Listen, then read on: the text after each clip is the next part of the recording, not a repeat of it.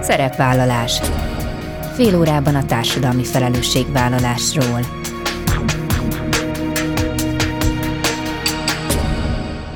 Jó napot kívánok! Bíró Bori köszönti Önöket! Adásainkban hétről hétre példákat hozunk arra, hogy egy-egy cég vagy intézmény, netán magánszemély, milyen formában, milyen eszközökkel járul hozzá anyagi gondok, társadalmi problémák orvoslásához, az életminőség javításához, a fenntartható fejlődéshez. Így módon is kifejezve, hogy felelősséget érez azért a környezetért, amelyben él és dolgozik.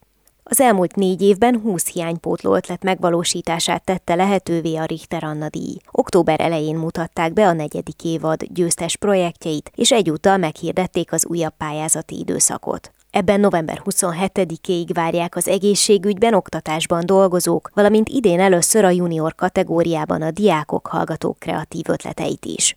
A mai műsorban két csapat mutatkozik be. Elsőként a közönségdíjas Merj segítséget kérni projekt, amely a díjból online pszichoonkológiai csoportfoglalkozásokat és úgynevezett erőforrásgyűjtő hétvégéket valósított meg, ahol az érintettek erőt meríthettek a programokból, a betegségből meggyógyult társaik történeteiből és egymásból. A csapat a pszichés segítségkérésnek, a beteg optimista hozzáállásának, a támogató sorstás közösségnek a fontosságára hívja fel a figyelmet. Virágné Puskás Katalinnal beszélgetünk. Az adás második felében Gulyás Bianka gyógypedagógus kutyásterapeuta lesz a vendégem, aki csapatával és segítő kedvenceivel a Kutya Jó Móka projekt keretében nyári táborokat szervezett speciális ellátást igénylő gyerekeknek.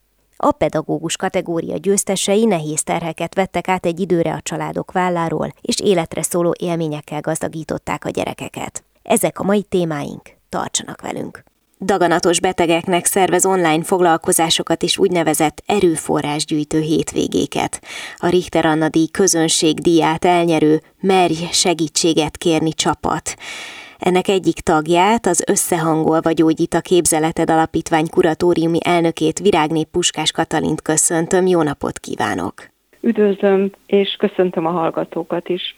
Sokan vannak, akiknek ott van a családjuk, ott vannak a barátaik, és velük tudják megbeszélni a nehéz helyzeteket, a betegséggel járó nehézségeket, és hát sokan vannak, akik egyáltalán nem, vagy csak nagyon nehezen tudnak megbírkozni a teherrel, és hát talán minden, majdnem minden esetben elmondható, hogy a leginkább az érintettek tudnak segíteni, hiszen ők azok, akik átérzik igazán azt, hogy mind megy keresztül egy daganatos beteg. Ha jól értem, akkor innen táplálkozik az önök projektje. Igen, én is kétszeres daganatos beteg vagyok, és az első alkalommal még eléggé idézőjel könnyedén birkoztam meg a feladattal, de a második esetben már segítséget kellett kérnem, és akkor kerestem meg dr. Prezenszki Zsuzsát, és az ő segítségével sikerült túl lennem a problémáimon. Ehhez szeretnénk mi is hozzájárulni, hogy ne csak én vagy az ismerőseim, hanem mások is tudjanak segítséget kérni ebben az ügyben. Tehát, hogy létrejöjjön egy olyan közösség, amiben pontosan mindenki tudja azt, hogy mind megy keresztül a másik, vagy legalábbis értő fülekre talál mindenki, aki egyébként el van veszve, mert hogy amikor valaki megkapja a diagnózist, akkor talán ott kezdődik az az út, amin, amin aztán végig kell menni, és amin nagyon jó, hogyha van segítség, értő segítség. Igen, hát maga a diagnózis is már elég nagy trauma mindenkinek, és azzal megbirkózni sem olyan könnyű, és a kezelések is nagyon komoly következményekkel vannak, fizikailag, lelkileg is, és ezt könnyebb átélni azoknak, akik kérnek pszichológiai segítséget, de Magyarországon sajnos van egy olyan közvélekedés, hogy csak a dilisek mennek, hogy ilyen csúnyán fejezzem ki pszichológushoz, és ezt a közvélekedést szeretnénk mindenképpen megszüntetni, hogy merjenek az emberek, főleg a daganatos betegek merjenek segítséget kérni, mert ez a segítség egy olyan valós dolog, aminek olyan eredményei vannak, amivel a daganatos betegek könnyebben gyógyulnak. Tehát, hogy vannak olyan helyzetek, amikor nem szabad egyedül maradni, de ami biztos, hogy segíthet, vagy legalábbis támasztathat, hogyha van kihez fordulni, és hogyha ez egy olyan közösség, aki pontosan tudja, hogy mi történik, hogyha konkrétumokról mesélne egy picit, ugye online pszichológiai foglalkozásokat tartanak egyrészt. Először erről szeretném kérdezni, hogy mennyire segítenek egyáltalán az online lehetőségek, tehát hogy nyilván a Covid időszak alatt nagyon sok helyzetben átszoktunk az online formára. Önöknek ez mennyire vált be, és mi zajlik ilyenkor, hogyan néznek ki ezek az online pszichológiai foglalkozások? Igen, ez az online pszichológiai foglalkozás valóban a Covid-dal indult el nálunk is, mert akkor nem nagyon volt más lehetőség, de aztán megtartottuk most is, mert mindenkinek, aki nem Budapesten lakik, vagy akinek egyéb olyan dolga van, ami miatt nem tud eljönni egy személyes foglalkozásra, az egy ilyen online térben meg tudja oldani, hogy kapcsolódik a foglalkozáshoz. És ténylegesen, akik akarják, tehát az emberek igenis szeretnének ebben részt venni, és megoldják az online kapcsolódást is. Tehát megtanítottam 70 éves, meg 75 éves hölgyeket is, akiknek csak egy okos telefonjuk volt, de akartak kapcsolódni, tehát ők is úgy látták jónak, hogy szeretnének részt venni ezen, illetve a másik oldalon a pszichológusoknak kellett megtanulnia, hogy hogyan lehet az online térben egy olyan milliót teremteni, ami mintha ténylegesen ott ülnének közösen egy szobában, és ott vennének részt ezen. Igen, pont erre gondoltam, teremteni. hogy ez mennyire Igen. nehéz vajon. Nehéz, de mindenkiben ott van a motiváció, hogy ezt szeretné csinálni, és ez megteremti ezt a milliót. Uh-huh. És a gyakorlat is bebizonyította, hogy ez működik. Megpróbáltuk azokat a tévhiteket eloszlatni, hogy te csináltad magadnak, gondolkodj pozitívan, csak hinned kell a gyógyulásban, ehelyett inkább azt a látásmódot kell megváltoztatni, ami benne van az emberekben, hogy nem tudnak magukra támaszkodni. Igenis vannak saját olyan energiáik, amiket ők is tudnak használni. És a további foglalkozásokban ezeket az saját energiáikat mutattuk meg nekik, mert ugye a lélek és a test egységénél fontos például, hogyha a lelket elcsendesítjük, akkor a test jobban tud gyógyulni. És ugye az emberek nagy része pont ettől a betegségtől eléggé szorong. És együtt a csoport ezt könnyebben meg tudja oldani, mint hogyha egyedül egy pszichológussal ülnének együtt, ugyanis mindenki ugyanazon az úton megy át, ahogy elmeséli az ő történetét, azt, hogy ő mit tesz, hogy meggyógyuljon, a többieknek ő hiteles, és egymást segítik így az emberek. És hogyha már támogató sorstás közösség, ezt nagyon jó hallani, hogy azt mondja, hogy ezek az online foglalkozások is sokat segítettek, de hát a mely segítséget kérni csapatnak egy másik fontos lába, az a, nekem nagyon tetszik, ahogy elnevezték ezek az úgynevezett erőforrásgyűjtő hétvégék, amik, ha jól tudom, akkor viszont már fizikailag valósulhattak meg, úgy képzelem, hogy aztán a, a sok-sok online találkozás után ez adhatta igazán az energiákat a résztvevőknek, de mi is történt itt pontosan, és miért gondoltak arra, hogy egy ilyen jellegű programból erőt tudnak meríteni a betegek? Hát ugye másmilyen azért mégis az online tér és a valóság. És a valóságnál is fontos az, hogy például a természetben a természet közelsége vagy szépsége az is segíti az embereket és az erőforrás gyűjtő hétvégénket, az egyiket a Balatonon, a másikat a Mátrában tartottuk, és azok az emberek, akik először találkoztak velünk ezeken a zoomos csoportfoglalkozásokon, ezen az erőforrás gyűjtő hétvégeken találkozhattak azokkal, akik már régebb óta tartanak velünk, és már túl vannak a kezeléseken, már jobban érzik magukat, és példát mutatnak a többieknek, akik az út elején vannak, hogy ha ők is végigcsinálják, akkor eredmények lesznek. És a személyes találkozás és a sorstás közösség együtt, plusz a foglalkozások az, ami igazán használt a csoportoknak. Itt változatos programokat állítottunk elő, nem csak irodalomterápia, meseterápia, zumba, hanem viszonylag egyszerűbb gyakorlatoknak a megtanítása is, hogy például meditáció, de nem ilyen elvont szinten, hanem hogyan lehet egyszerűen megcsinálni dolgokat azonnal hatékonyan. És ezek úgy gondoljuk, hogy segítséget adtak mindenkinek. készült önökkel egy kisfilm, és ott az egyik társuk szerintem egy nagyon fontos üzenetet fogalmazott meg, valahogy úgy fogalmazott, hogy ha a világot nem is tudjuk megváltani, de az egy nagyon-nagyon fontos dolog, hogy magunkon tudunk segíteni. És ahogy most meséli az önök csapatának a, a szellemiségét, és azt, hogy mivel foglalkoznak, hát talán ezt az üzenetet érdemes elvinni magunkkal. Hát köszönjük szépen, mi is nagyon örülünk annak, amikor a visszajelzések ilyen pozitívak, és hogyha, ahogy folytathatjuk majd ezt a további munkát, és a Richter Anna díjnak nagyon köszönjük, hogy a lehetőséget, hogy ezeket ingyen tudtuk megcsinálni, és folytatni is fogjuk. Most is a honlapunkon ott vannak a következő foglalkozások, és amikor végzünk egy-egy ilyen programmal, mindig kérdőívet adunk az embereknek, hogy válaszoljanak, hogy milyen volt, és az egyik kedvenc olvasmányunk, megmondom őszintén, hogy látjuk, hogy az embereknek tetszett, amit csinálunk, ha valami észrevételük van ezzel kapcsolatban, akkor azt megvizsgáljuk, hogy valamilyen módon úgymond orvosolhatjuk-e, és ez a közösség mindig nő, mert a régiek is tartanak még benne tovább, és segítenek a többieknek, tehát nagyon köszönjük a Richter Anna díjnak, hogy volt erre lehetőségünk.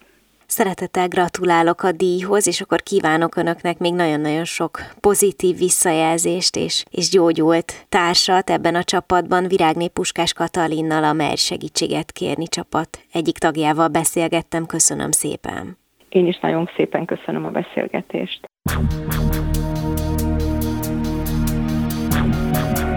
Szerepvállalás. Fél órában a társadalmi felelősségvállalásról.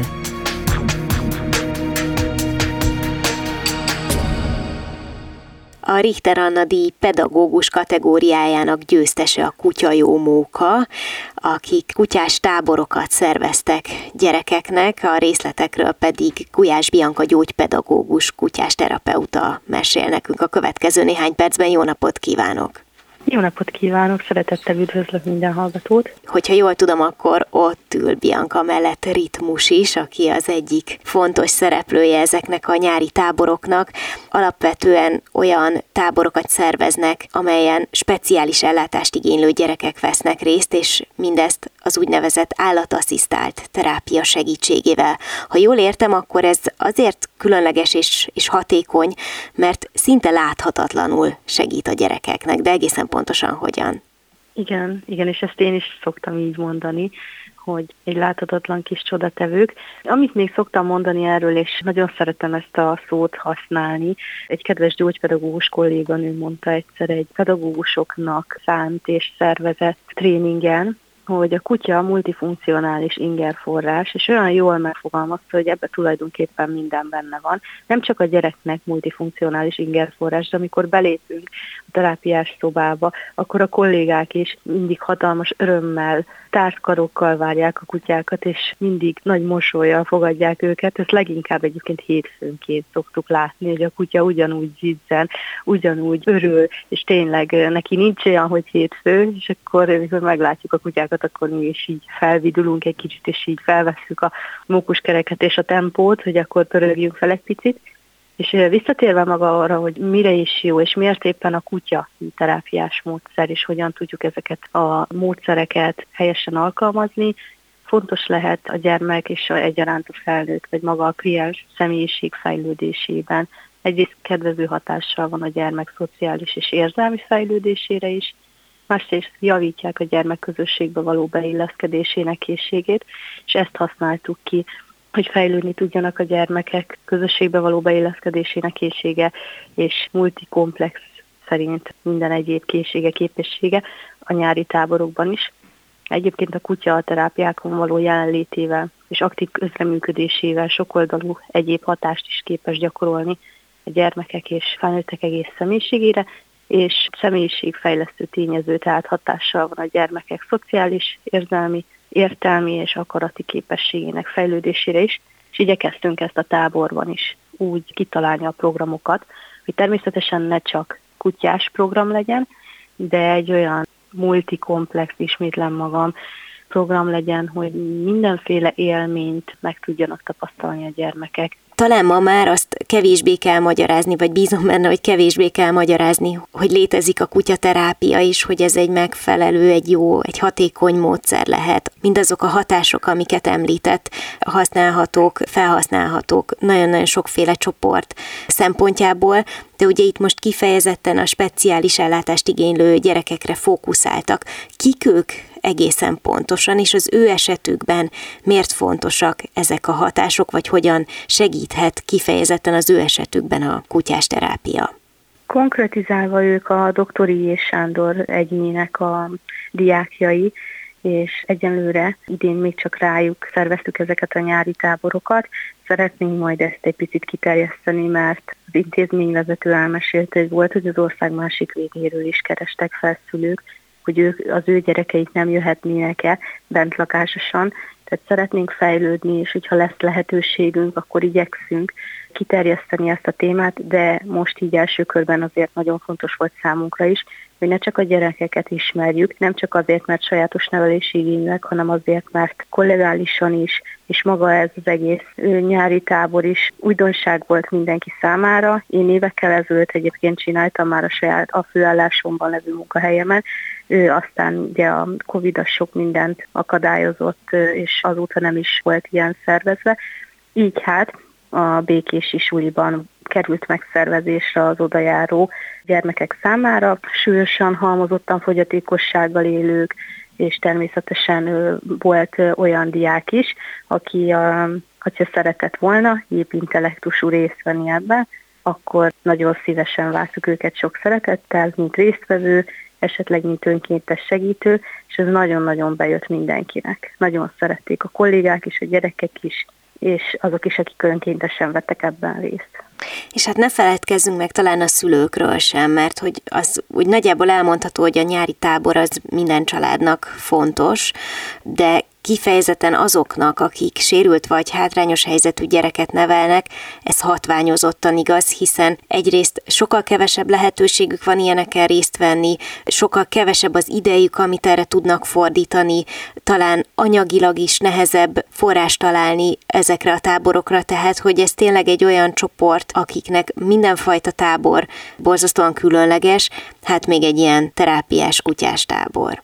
Igen, igen, egyetértek minden szóval, és az egyik vélemény az, az nagyon megmosolyogtatott, amikor kérdeztem a szülőt adott napon, azt hiszem szerda volt, tehát a tábornak a harmadik napja, hogy mesél otthon a gyermek, mert szelektív mutizmusban él a kisfiú, tehát hogy az iskolában nem nagyon beszél, de otthon azért szokott csacsogni, hogyha valamilyen olyan élmény éri, tök mindegy, hogy rossz vagy jó, akkor azt el szokta egyébként mesélni. Uh-huh. És kérdeztem az édesanyját, hogy meséle, és azt mondta, hogy már az autóban be nem áll a szája.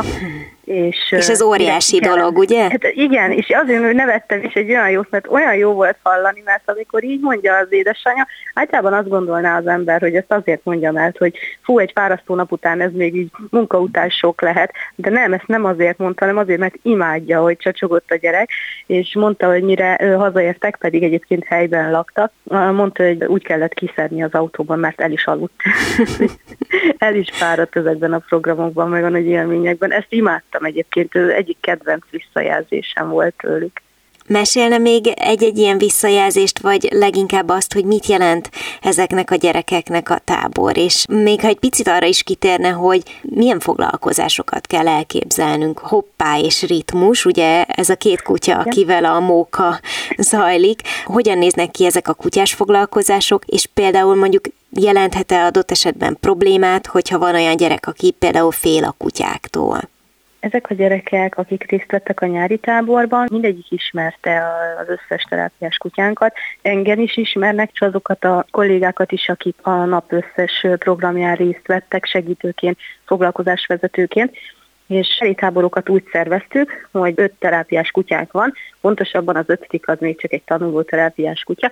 Elneveztem mindegyik tábornapot az adott kutyámról, mondok egy példát, volt mesés napunk, mert van egy mese nevű kutyusunk is, és ezen a napon például vendégprogramok is voltak, meghívott vendégekkel és szakemberekkel, ilyen volt például a bábjáték, vagy a drámapedagógia, külön kértem a szakember kolléganőtől, hogy olyan bábelőadást találjon ki, vagy hozzon, ami azért valamennyire kötődik a kutyákhoz, és énekeltek is együtt, nagyon-nagyon szerették, és volt hoppánap is, akkor meglepetés volt, mert volt kis hajókázás is, pizzázás is volt, fagyizás is volt, kis csavargás, kutyát sétáltatni is lehetett az utcán, ez szerintem tök menő, és volt ugye ritmusnap is, ekkor zenés foglalkozások is voltak, illetve pénteken volt kutya szépségverseny, amikor három csoportra osztottuk a gyerekeket, és hoztunk mindenféle mókás tucit, amit így a kutyára is rá lehet rakni,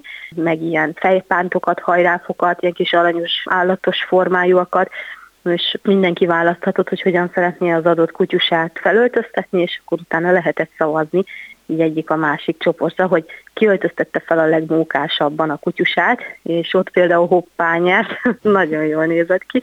Úgy nézett ki, mint egy francia festőművész, tehát olyan kalapot kapott, nagyon aranyos, és azon a napon például volt olyan is, hogy nem csak a kutyát lehetett beöltöztetni, hanem ők is átmaszkírozódhattak, mert meghívtunk egy olyan művésznőt, aki arcra is festett mindenféle aranyos állatos, meg amire így igazából a gyerekek vágytak, és hát volt, aki pókember akart lenni, volt, aki mondjuk repeta akart lenni, az is az egyik kutyánk, és nagyon élvezték ezeket a napokat. Ami minden nap volt, az természetesen a mozgásfejlesztés terápiás kutyával egy kicsit így megspékelve, ez alap volt, a komplex gyógypedagógiai fejlesztés, és akkor utána a délutáni foglalkozások voltak mindig meglepetésszerűek, valamilyen kutyás témával karöltve. És akkor teljesen butaság volt az a kérdésem, hogy mi történik, ha valaki fél esetleg a kutyáktól, mert nincs ilyen, mert ők már ismerték ezeket a kutyákat. Így van, nem volt butaság, nincs olyan, hogy buta kérdés. Szoktunk találkozni a hétköznapokban olyannal, aki esetleg tart a kutyától, nem feltétlenül az enyémektől, hanem így kezdünk, Ilyenkor mindig elmagyarázom a gyermeknek, miután bemutatkoztam, és bemutattam a kutyámat, zárójelben egy kis személyiségjegyekkel is, hogy azért egy pici kötődés már legyen, hát ha szimpatizál vele már így is. Mindig elmondom a gyermeknek, hogy nem kötelező odajönni, nem kötelező először bemutatkozni, vagy megsimogatni, nem erőltetem, már így is tiszteletbe tartjuk azt, hogy itt bent marad a teremben, és nézi esetleg a többieket, hogy hogyan dolgoznak, és játszanak a kutyával, de amint esetleg nyitna felénk, és szeretne megismerkedni, szóljon, jelezzen, és ez mindig beszokott jönni egyébként minden gyermeknél, és jól esik neki, hogy ezt tiszteletbe tartjuk, és szerintem öt perc után már így próbál jelezni, vagy ha nem is nekem, de a tanárinnek, hogy megsimogathatom. De a táborban egyébként nem volt olyan gyerek, aki ne ismerte volna a kutyánkat és tartott volna tőle. Ha esetleg mégis van olyan, aki mondjuk nem feltétlen szívesen érintkezik, az nem feltétlen a kutyától való félelméből ered, hanem esetleg azért, mert olyan sajátos nevelési vagy olyan széle tartása van, amit nem maga a kutya személyéhez tulajdonítunk, hanem mondjuk esetleg az ilyenféle tapintásos dolgoktól, hogy nem feltétlenül szereti mondjuk a szőrös dolgokat megfogni például. Folytatódnak majd a kutya jó móka foglalkozásai és a nyári táborok, hogy tervezik, vagy mik a kilátások? Nagyon szeretnénk. Ez nyilván attól függ, hogy tudunk-e szerezni rá jövőre is finanszírozást, nem fogjuk feladni, amire tudunk pályázunk, és megpróbálunk mindenképpen olyan formában ezt ismételni, hogy ne kerüljön a szülőknek és a családnak semmibe, és arra is nagyon büszke voltam a Richter Anna díjnak köszönhetően, hogy a kollégákat is tisztességesen ki tudtuk fizetni ebből a nyereményből, és nagyon fontosnak tartottuk azt, hogy olyan kollégák és olyan tím legyen, szakmai tím a gyerekek környezetébe és körül, hogy tényleg tűzbe tettük volna értük a kezünket, és nagyon jól tudjuk azt, hogy szakmailag mennyire profik, és erre tényleg külön vagyunk, és nagyon-nagyon oda tette mindenki magát, és jól is érezték magukat. Szerintem mindenki nevében mondhatom, hogy egy örök élmény lesz. Gratulálok a Richter Anna díj pedagógus kategóriájának győztese a kutyajómóka, akik tehát kutyaterápiás táborokat tartottak speciális ellátást igénylő gyerekeknek és a családjaiknak. Gulyás Bianca gyógypedagógus, kutyás terapeuta volt a vendégem. Köszönöm szépen, hogy mesélt róla. Én is nagyon szépen köszönöm a lehetőséget. Ennyi fért a mai műsorba, legközelebb jövő héten szombaton 13 órakor jelentkezem. Ha még nem tették, kövessenek minket közösségi oldalainkon, a Facebookon, az Instagramon és a YouTube-on. Ha bármiről lemaradtak volna, az adást vissza tudják keresni a Klubrádió weboldalán. És most már egy jó ideje podcast formában is elérhető a szerepvállalás. Keressék a Spotify, a Google és az Apple podcastek felületein, ahol bármikor meghallgatható a műsor. Köszönöm, hogy velem tartottak, további kellemes online rádiózást kívánok. Bíró Borit hallották.